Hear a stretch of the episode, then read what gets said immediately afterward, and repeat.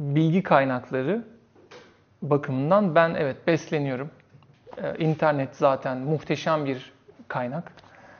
Ee, ve onların içerisinden beni en çok besleyen şu ana kadar TED Talks oldu. Yani yeni bir şey söyleyemiyorum. Sürpriz bir şey değil kusura bakmayın. TED Talks zaten herkesin internette karşısına çıkan bir şey. Ama ben böyle bir ara böyle yıllarca çok yoğun TED Talks izledim yani. Böyle binlerce izledim. Çok böyle tekrar tekrar izlediğim çok şeyler oldu. Ee, ve o bana çok geniş bir spektrum kattı. Çünkü hani bir kitap okumak hakikaten audiobooklara falan bakınca böyle 8 saat, 10 saat, 15 saat falan sürüyor ya bir kitap böyle şey yapması. Ve etrafımda bir sürü kişi yani kitapta okuyor falan. Ben 18'er dakikalık TED Talks'lar izledim çok fazla.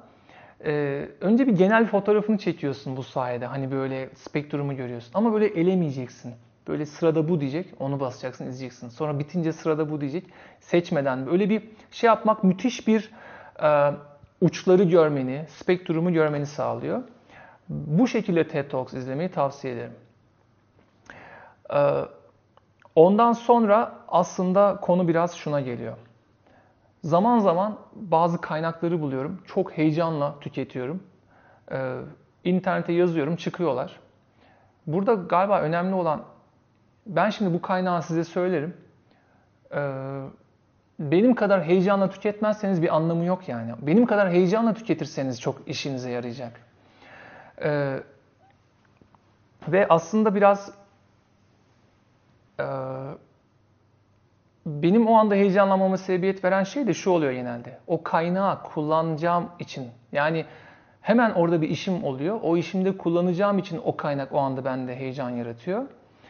O yüzden zaten işte bir, bir işim oluyor, bir problemim oluyor, çözmem gereken teknik bir şey olabilir. Ya da e, şu ara işte YouTube yapıyorum. YouTube'da aslında bazı konuları e, biraz daha böyle o öyle miydi, bu böyle miydi falan diye eşelemek istiyorum. Ya da bazen birisi bana bir kitap önerdiği zaman o kitabı acaba ben buradan anladıklarımı yine hikayeleştirip geri bir yerde anlatabilir miyim heyecanı? Yani nedir? Hepsi ben buradan aldığımı geri müşterime nasıl vereceğim heyecanı olduğu zaman o benim için güzel bir kaynak oluyor. Onun dışında zaten iyi kaynak yoktur. Güzel kaynak hemen kullanacağın kaynaktır. O yüzden ben burada tavsiye verirken ee, eğer zaten şu anda işinde gücünde olmayan insanlar varsa hani böyle hayatta ne yapacağımı bilmiyorum. Bana öyle güzel kaynaklar öner ki onları okuyayım, sindireyim ve hayata hazır olayım falan filan. Kaynak önerisi öyle olmaz. Senin zaten şu anda deli gibi benim şu anda bunu çözmem lazım. Bunu nasıl çözerim diyor olman lazım. O zaman da zaten benim diyeceğim kaynaklara ihtiyacın yok. Zaten internetten sana akıyor kaynak. O yüzden iyi kaynak nedir? e, müşterinizin problemini çözen kaynaktır. Müşteriniz yoksa hiçbir kaynak sizin için iyi bir kaynak değildir. Müşteriniz varsa da zaten o kaynak da sizi bulur. Problem oradan, müşteriden gelir. Çözüm de oradan bilgi olarak internetten gelir. O yüzden iyi kaynak arayışı yerine müşteriye hemen bağlanın. Müşteriye bağlananlar da zaten biliyorum. Ee, onlar şu anda bir sürü şeyler okuyorlar, izliyorlar zaten. Ben sadece TED Talks ya da o meşrepte şeyi çok güzel bir genel dünya fotoğrafı çekmek için tavsiye ederim. Hakikaten illa boş zamanda kendimi en az zamanda en çok nasıl geliştiririm, dünyaya açarım kafamı, dünya nereye gidiyor, nasıl anlarım diyorsanız odur. Çünkü bak Harari'nin 3 tane kitabı var. 15 saat, 15 saat, 15 saat, 45 saatte dinlersin. Ama o adamın 18 dakikalık bir TED Talks'u var. İnan hap gibi. Onu dinle geç yani. Esas önemli olanı orada anlatıp geçiyor çünkü. Ee, yani onun dışında da o meşrepte bir takım diğer e, şeyler, insanların hayatlarını özetleyen, bilgi ve tecrübelerin en önemli kısımlarını özenli şekilde odakladıkları e, işler daha etkilidir, daha önemlidir. E, bunları tavsiye ederim. Müzik, film ya da dizi var mı hocam? Ha, eğer işte iyi vakit geçirmek ha. içinse, yani konu kişisel gelişimse, hayatta başarılı olmak değil, hakikaten böyle e, eğlenmek için içerikten bahsediyorsan peki güzel. Eğlenmek için içerik.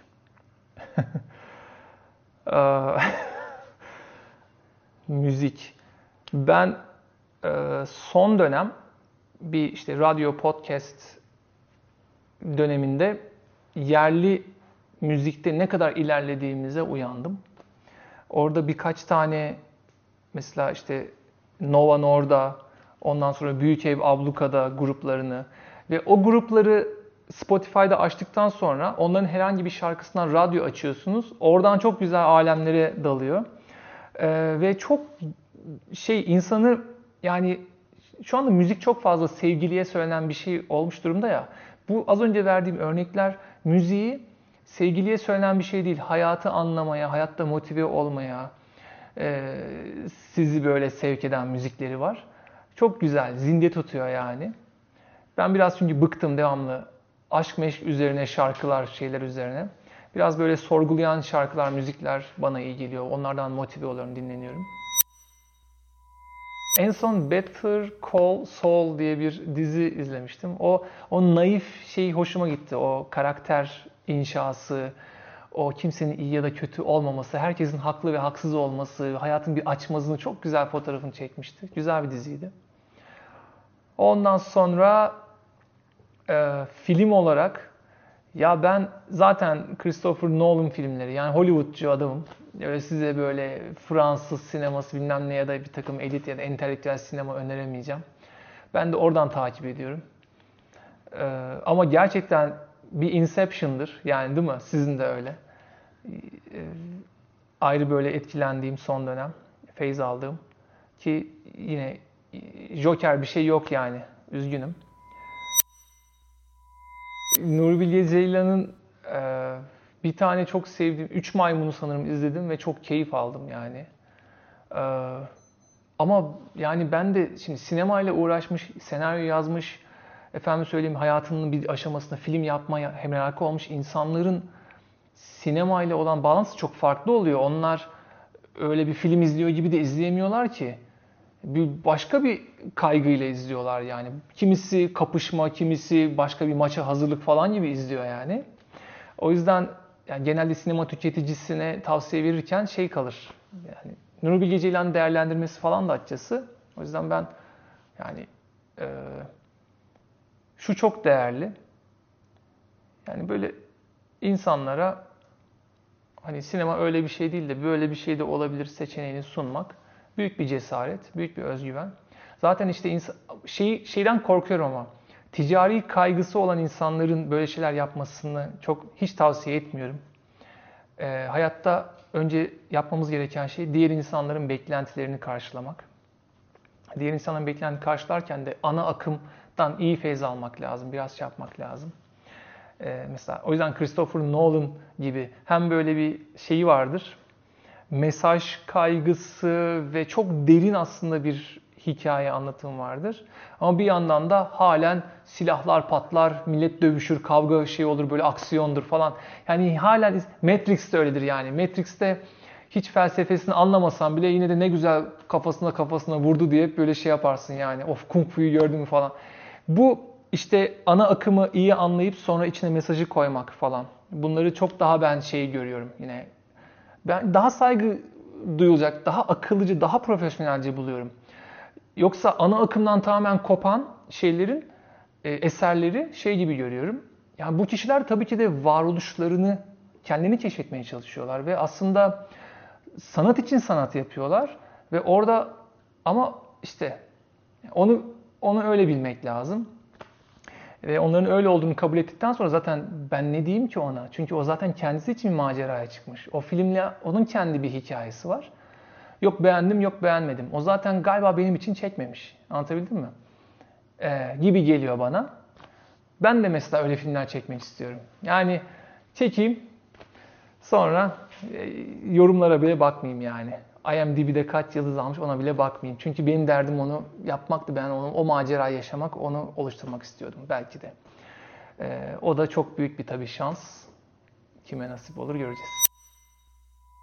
Ee, ben son dönem podcast kendim de üretmeye başladıktan sonra podcast'i dinlemeye başladım. Orada daha da ağırlık verdim. Kendi ürettiğim podcast'ler zaten eski Radyo 501. Onun bölümlerini geri gelecek mi bilmiyorum ama e, YouTube'da var.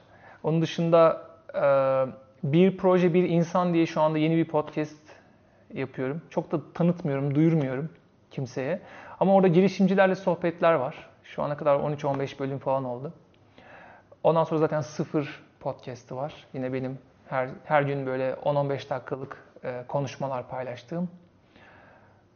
Ama yine şu anda geri kalanlara tavsiye etmekse söz konusu olan dediğim gibi yani eğlence üzerine tavsiyede bulunabilirim. İş üzerine zaten herkes kendisi önce işini bulsun sonra çözümünü bulur.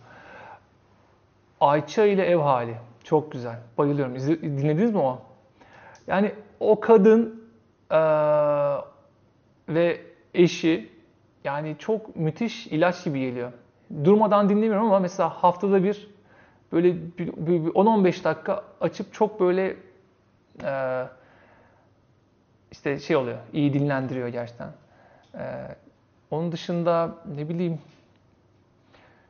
ne bileyim podcast'te ya adlarını bilmiyorum işte. Şuradan bakayım adlarını hatırlayayım. Abone olduklarım.